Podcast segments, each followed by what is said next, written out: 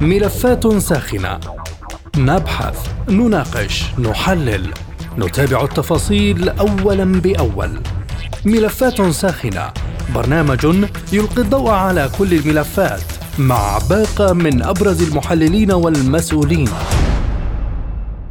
أهلا بكم مستمعينا الكرام في حلقة جديدة من ملفات ساخنة وهذه جيهان لطفي تحييكم. في ملف اليوم نناقش هل تنجح السعودية في إنهاء أزمة السودان؟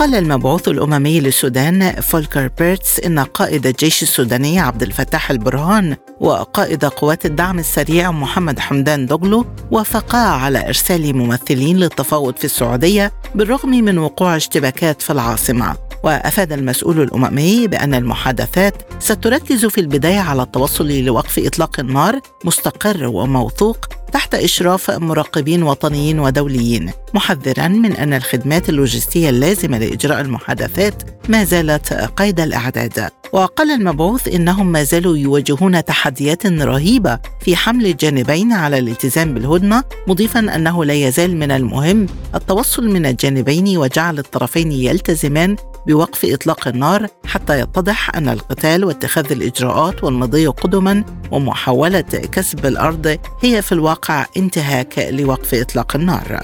وأشار المسؤول الأممي إلى أن أحد الاحتمالات هو إنشاء آلية لمراقبة وقف إطلاق النار تضم مراقبين سودانيين وأجانب لكن يجب التفاوض على ذلك مبينا أن المحادثات بشأن ترسيخ وقف إطلاق النار يمكن أن تتم في السعودية أو جوبا في جنوب السودان. ورأى فولكر أن آلية مراقبة وقف إطلاق النار قد تكون أسهل من الناحية اللوجستية لأنها تربطها علاقات وثيقة بالجانبين لكن حتى المحادثات السعودية تنطوي أيضا على التحديات لأن كل جانب يحتاج إلى ممر آمن عبر أراضي الطرف الآخر للوصول إلى مقر المحادثات معتبرا أن هذا أمر صعب للغاية في حالة انعدام الثقة. فهل تنجح السعودية في إنهاء أزمة السودان؟ حول هذا الموضوع تدور نقاشاتنا في ملف اليوم من ملفات ساخنة.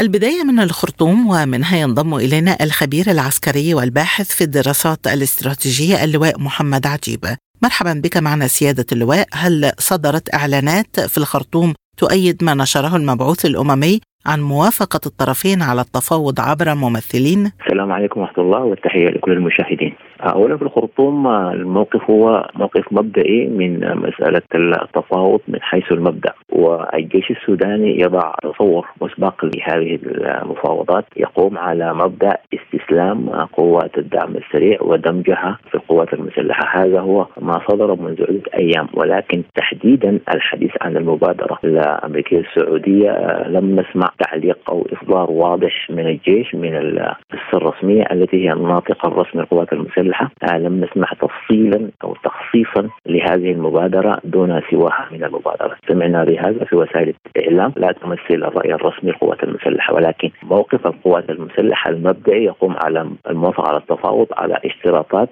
أساسها هو استسلام قوات الدعم السريع وموافقتها للاندماج في القوات المسلحة.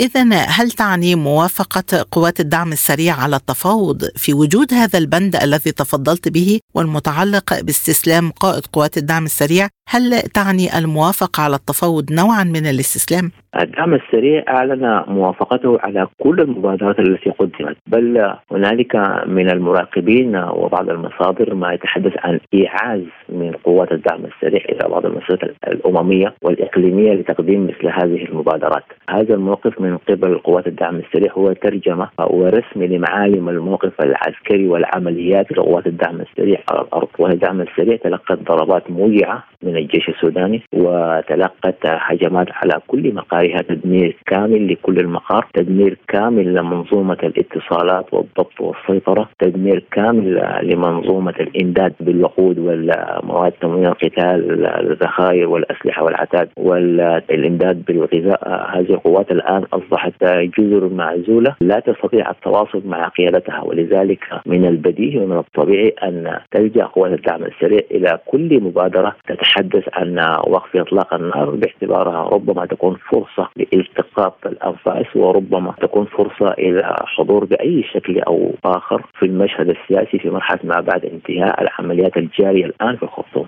برأيك سيادة اللواء لماذا وافقت الأطراف على مبادرة السعودية دون غيرها الجميع سارع بتقديم مبادرات منذ بداية الاشتباكات. برأيك هل وعدت المملكة بأي ضمانات معينة أغرت الأطراف بالانضمام؟ آه، برأيي الأطراف بصورة مبدئية تريد أن ترسم لنفسها صورة زاهية أمام المجتمع الدولي ومنظمات إقليمية ودولية أخرى. ولذلك الموافقات المبدئية لم تكن على المبادرة السعودية وحدها. كل المبادرات لقيت ترحيب ولكن ربما تكون هذه المبادرة من السعودية. السعودية لها مكانة ولها وزن في المحيط الإقليمي للسودان ولها تأثيرات مباشرة على الأوضاع السياسية في السودان والعسكرية وغيرها. ولذلك أيضا السعودية تملك وسائل اتصال جيدة مع المجتمع الدولي وقادرة على تأثير المجتمع الدولي اتخاذ مواقف من السودان في الوضع الحالي وفي المستقبل. ولذلك ربما تكون فرص المبادرة السعودية تحظى يعني هذه المبادرة بفرص أكبر وبحظوة أكبر من غيرها من المبادرات. ولكن هل هناك أي مؤشرات على قبول طرفي الصراع وقف القتال؟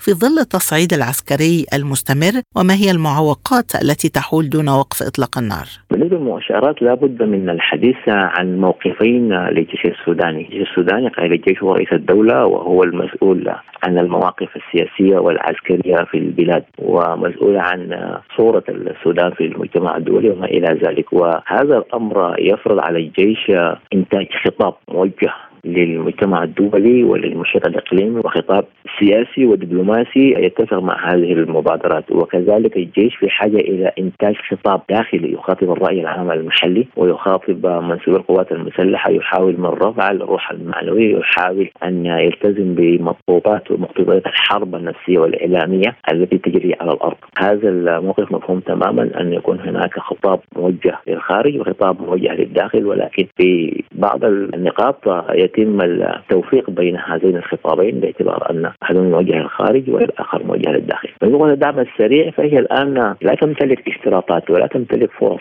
للمناورة واتخاذ مواقف متباينة من هذه المبادرات. والدعم السريع مجبرة بل هي تلجأ إلى مثل هذه المبادرات وتوافق عليها باشتراطات شكلية. لا تغيب عندها كثيرا لكن الهدف الجوهري لقوات الدعم السريع والتي تترجم مواقفها المعلنة من تلك المبادرات هو أن قوات الدعم السريع تسعى بكل وسيلة وبكل علاقاتها واتصالاتها إلى تقديم مبادرات تسعى إلى إيقاف الحرب الدائرة والتقاط الأنفاس ومن ثم محاولة رسم مشهد جديد للدعم السريع في مرحلة ما بعد القتال الجاري الآن. برأيك هل التفاوض عبر ممثلين وليس التفاوض المباشر يمكن أن يؤدي إلى نتائج وما حدود صلاحيات الممثلين خاصة في وجود شرط الجيش باستسلام الدعم السريع؟ آه، التفاوض عبر ممثلين في تقديري هو من التكتيكات استخدام التفاوض الموقف المعلن من قبل الجيش السوداني أنه لن يتفاوض مع قائد الدعم السريع الفرق حميتي باعتباره متمرد تمرد على القوات المسلحة وأن المبادئ التي تقوم عليها القوات المسلحة واشتراطاتها لا تسمح بالتفاوض مع متمردين. تمرد على القوات المسلحة، على الأقل في هذا الصراع الدائر الآن، الجيش على الموقف أنه لن يتفاوض مع قوات تمردت عليه، ولذلك كان من البديهي أن يغيب عن هذا التفاوض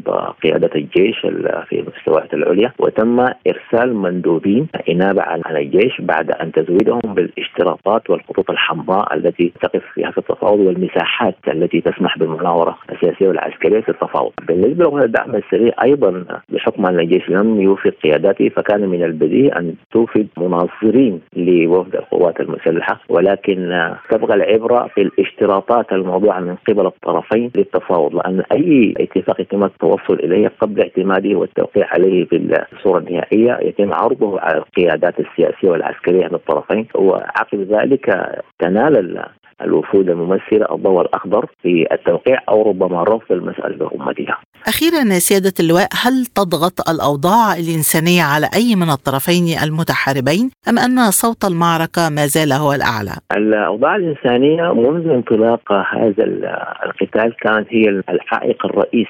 لعمليات الجيش السوداني. الجيش السوداني يضع اعتبار كبير جدا للحالة الإنسانية وللبنيات التحتية ولمرافق استراتيجية للدولة بحكم المسؤولية الوطنية. وهذا الأمر ليس بهذا الوضوح بالنسبة لقوات الدعم السريع. قوات الدعم السريع منذ نشأتها وطبيعتها وحتى العقيدة القتالية لها. آه، لا تضع مثل هذه الاعتبارات في حسبانها. ويظهر ذلك ليس من خلال العمليات التي استهدفت المواطنين أو كانوا ضحايا المواطنين بل حتى في التعامل داخل قوات الدعم السريع نفسها للمخالفات العسكرية. القانون الذي يحكم هذه الحالات العسكرية والمخالفات العسكرية في الدعم السريع له نصوص ولكن النصوص في جانب والواقع المشهود والمعهود في تعامل القوات الدعم السريع مع منسوبها يختلف تماما. ولذلك هذه القوات بحكم الطبيعة العشائرية في تكوينها وبحكم النشأة أنها كانت نواه لقوات متغرده تمارس عمليات النهب والسلب على مواطنين أبرياء لا تضع في حساباتها اعتبارات كثيرة للجوانب الانسانيه، الجوانب الإنسانية الآن ما يعوق عمل القوات المسلحة وهي الآن ما يؤجل ويطيل أمد القتال الدائر في الخرطوم، الدعم السريع الآن يحتمي بالأحياء السكنية ويحتمي بيوت المواطنين ويحتل مستشفيات في الخرطوم أحالها إلى سكنات عسكرية وأحالها إلى مواقع تنطلق منها قواته. ومحاولاته للنيل من القوات المسلحة، الدعم السريع يضع اعتبار يعتد به للحاله الإنسانية بقدر ما هي العائق الرئيس للعمليات التي تقوم بها القوات المسلحة في الخرطوم. الخبير العسكري والباحث في الدراسات الاستراتيجية اللواء محمد عجيب كنت معنا من الخرطوم شكرا جزيلا لك. وحول الدور السعودي في المبادرة معنا من الرياض الكاتب والمحلل السياسي الأستاذ أحمد الظفيري. أهلا بك أستاذ أحمد وبداية هل تكشفت ملامح عن المبادرة السعودية التي أعلن عنها المبعوث الأممي بضم حميدتي والبرهان على طاولة مفاوضات عبر ممثلين؟ الملامح الأولية اللي ظهرت عن المبادرة السعودية كانت حول وقت كل اشكال التصعيد العسكري والدفع باتجاه التمديد والهدنة حتى يتم إيجاد أرضية قادرة على استيعاب المفاوضات والانطلاق نحو هذا الدائم بالإضافة لعدم إقصاء اي طرف هذه النقطه الرئيسية في المبادرة السعودية لن يقصى أي طرف من الاطراف السياسيه أو الأطراف النزاع الحالية في عاصمه الخرطوم فهذه أبرز ملامح المبادره السعودية ولكن ما هي الضمانات التي يمكن أن تقدمها السعودية للطرفين للتأثير على سير المفاوضات؟ السعودية تعتبر وسيط بين الأشقاء، الضمان الحقيقي هو التزام الأطراف المتنازعة ببنود هذه المبادرة، والبداية تكون في استمرار الهدنة وتحسين الأجواء وتسهيل الأعمال الإنسانية، هذه هي الضمانات الحقيقية التي يقدمها السودانيون أنفسهم للمبادرة نفسها اللي تشكل عامل دعوة وتجهيز أرضية لانطلاق عملية السلام. هل يوجد تنسيق سعودي مع الاتحاد الأفريقي في هذه الوساطة أو مع أي من القوى الفاعلة على مسرح العلاقات الدولية خاصة الولايات المتحدة؟ السعودية بوصفها رئيسة القمه الإسلامية ورئيسة اللجنة التنفيذية دعت إلى عقد اجتماع اللجنة لبحث الوضع في السودان وإيجاد حل لهذه الأزمة، التعامل مع التداعيات المختلفة وقد تم عمل تنسيق ثلاثي مع هيئة الأمم المتحدة، جامعة الدول العربية، الاتحاد الأفريقي، بالاضافه للمؤسسات الإقليمية والدولية والدول الاعضاء في المنظمة لعقد اجتماع مرتقب للجنه التنفيذيه في جدة، بلا شك هذا التنسيق العالي المستوى يضاف له التنسيق مع مصر ومع الإمارات ومع أمريكا في هذا الصدد. أستاذ أحمد في هذا الحراك الدبلوماسي السعودي هل تولي المملكة أولوية للبعد الأمني أم للبعد الاقتصادي الذي يحتل بعدا مهما في السياسات السعودية ونعلم أن المملكة معنية بخلق بيئات مناسبة لاستثماراتها الخارجية. البعد الامني والانساني اولا الشعب السوداني يعاني اليوم، الحل هو إيقاف الفوضى، والدور السعودي اليوم يتمحور حول هذه النقطه والتي ستنعكس ايجابا على الوضع الإنساني، الاقتصاد مهم. لكن الآن لحظة قتال لا يمكن الحديث عن تحسين الوضع الاقتصادي أو الحفاظ على استثمارات أو وعود باستثمارات مستقبلية، الحديث الآن منصب حول البعد الأمني والبعد الإنساني لهذه الازمه. اذا ما هو حدود الدور الذي يمكن أن تلعبه المملكة في هذا الصراع؟ وهل تملك أدوات على الأرض في السودان يمكن أن تضغط بها على طرفي النزاع؟ الدور السعودي يعتمد على العلاقات الوديه التي تجمع البلدين الشقيقين والشعبين الشقيقين. وعلى ما بينهما من علاقات تاريخية مليئة بالود والمحبة المبادئ ثابتة في السياسة السعودية وهي عدم التدخل في الشأن الداخلي للدول الأخرى. مما جعلها وسيطة مرحبا به من قبل جميع الأطراف في السودان، المملكة الآن تبذل ما في وسعها لدعم الأعمال الإنسانية والدعوة لجلسات حوار متوافقة مع تمديد الهدنة. أخيرا أستاذ أحمد ما هي فرص التوصل لاتفاق لوقف اطلاق النار برقابة وطنية ودولية كما قال المبعوث الأممي؟ نعم. الفرصة الآن قائمة بشكل أكبر خاصة مع وصول طرفي النزاع لنقطة عدم الحسم بالإضافة لضبط الوضع الإنساني الذي يعيشه السودانيين على جميع الأطراف. لذلك سيبقى الأمر كبيرا بحدوث تراجع خلال الأيام القليلة القادمة بإذن الله. من الرياض الكاتب والمحلل السياسي الأستاذ أحمد الظفيري كنت معنا شكرا جزيلا لك. لكن كيف سيؤثر وجود مراقبين دوليين على السودان؟ حول هذا الجانب معنا من دمشق عضو أكاديمية الأزمات الجيوسياسية الدكتور علي الأحمد. أهلا بك معنا ضيفا عزيزا دكتور علي. مبادرة الوساطة في أزمة السودان تقترح وجود مراقبين دوليين لوقف إطلاق النار. هل سيسمح هذا بنوع من التدخل الخارجي في السودان؟ أولا هناك خشية كبيرة من أن تتحول هذه الحرب إلى حرب أهلية في السودان وأن يكون هناك تدخل للقبائل وأن يكون على أسس إن كانت قبلية أو عرقية أو غيرها لذلك لابد من دخول قوى خارجية ولكن أنا شخصيا لا أفضل على الإطلاق أن يكون قوى أجنبية أو أن يكون هناك تدخلا خارجيا دوليا أفضل بكل تأكيد الدول العربية وخاصة أن هناك مناخات من الدول العربية هذه المناخات ليست كالمناخات السابقة. هذه المناخات هي إيجابية إلى حد كبير لأن هناك مشاريع عربية. هذه المشاريع تتطلب مناخات إيجابية. وطالما أن الاقتراح هو اقتراح سعودي تفضل أن يكون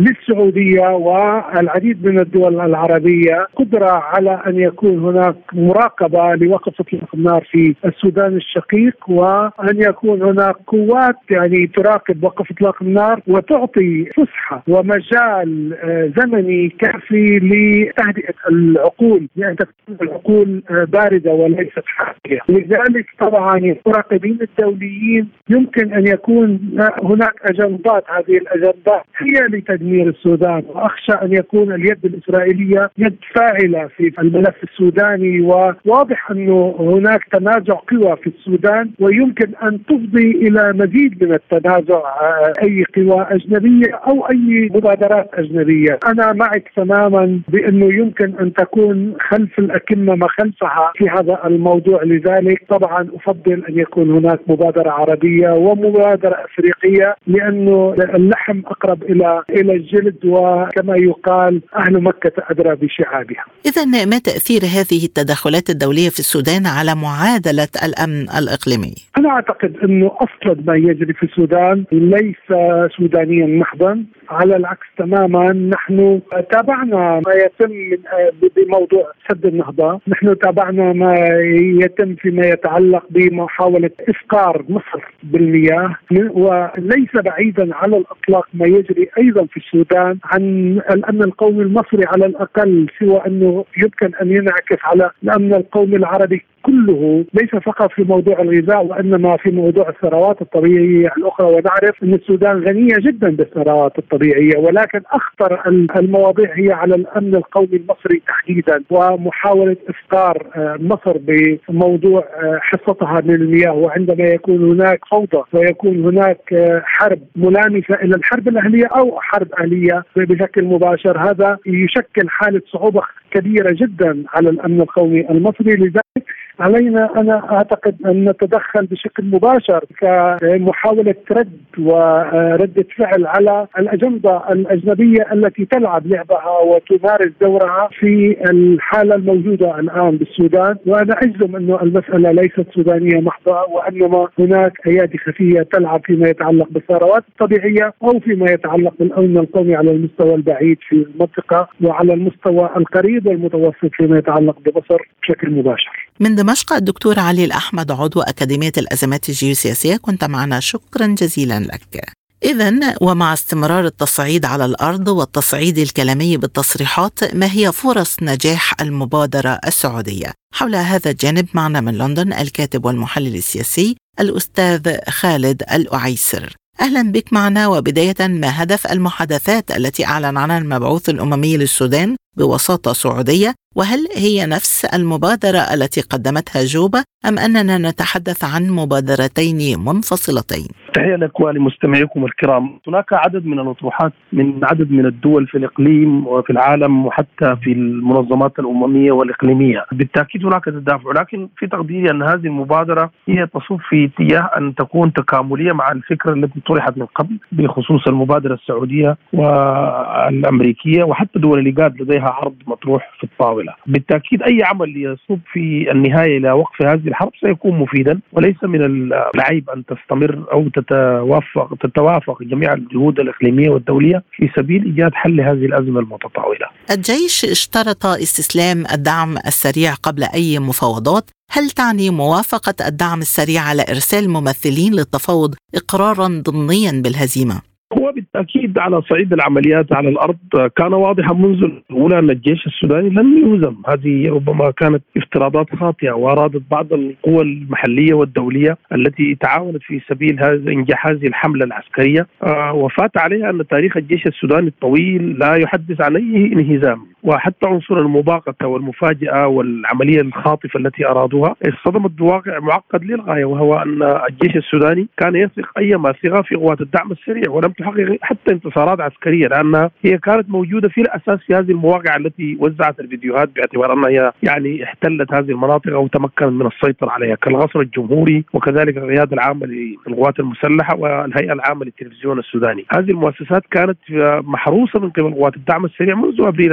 2019 وهي لم تدخل هذه القوى المواقع بالقوة بل دخلتها كسلطه أمنية عسكرية منوط بها حماية هذه المؤسسات، أما العملية تحدث عنها الوقائع. هناك انتشار شبه وسيطرة كاملة بالنسبة للجيش في الولايات ال 17 خارج الخرطوم. والولاية الثامنة عشر هي الولاية العاصمة الخرطوم. وهذه تشهد وجود لجيوب آه، معزولة في جزر معزولة في المدن الثلاث. بالتالي ووفقا لما جاء في قرار القائد العام الذي نص على ضرورة دمج القوات وهو مخول بالمناسبة لاتخاذ هذا القرار لأنه هو الذي أصدر القرار في في عام 2019 بإلغاء المادة خمسة التي أصدرها البرلمان في عام 2017 في 17 في 16 يناير 2017 وهي تخول أو تتبع آه، قوات الدعم السريع للمؤسسة العسكرية. جاء البرهان في في 2019 وألغى المادة خمسة التي تخول أو تدمج القوات تحت مظلة الجيش الوطني، وجاء من بعد هذه الأحداث وألغى كل المراسيم السابقة وأصدر مراسيم جديدة تتبع القوات مظلة الجيش.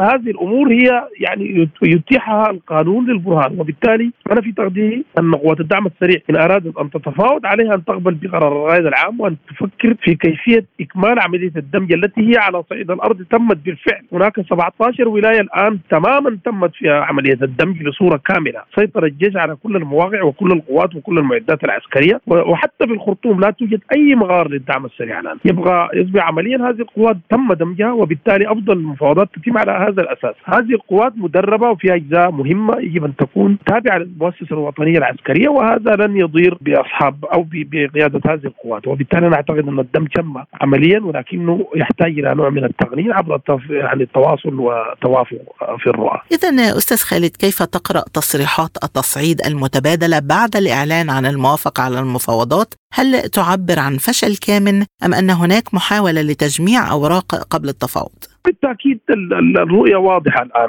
بالنسبة للجيش وبالنسبة للشعب السوداني كله آه الذي يعتقد أن وجود قوات عسكرية منفصلة عن مظلة المؤسسة العسكرية لم يعد تكهنات ولم يعد ضرب من ضروب الخيال والتكهنات حول ماهية شكل الصدام الذي يمكن أن ينتج عن هذا الوجود آه لدولة فيها قوتين عسكريتين. الشعب السوداني عايش هذه التجربة بصورة دراماتيكية وصورة واضحة الآن وعايش المآسي والظروف القاسية التي يمكن أن تفرزها عملية الحروب، وبالتالي يصبح من الصعب جدا إقناع الشعب السوداني بإمكانية وجود قوات خارج مظلة الجيش الوطني. الآن الشعب على توافق كامل، وبالتالي أنا في تقديري الشخصي أن الحديث عن إمكانية تحت الأرض هو استهلاك للزمن والوقت والمجهود الحربي وضياع لمخدرات وموارد الأمة السودانية.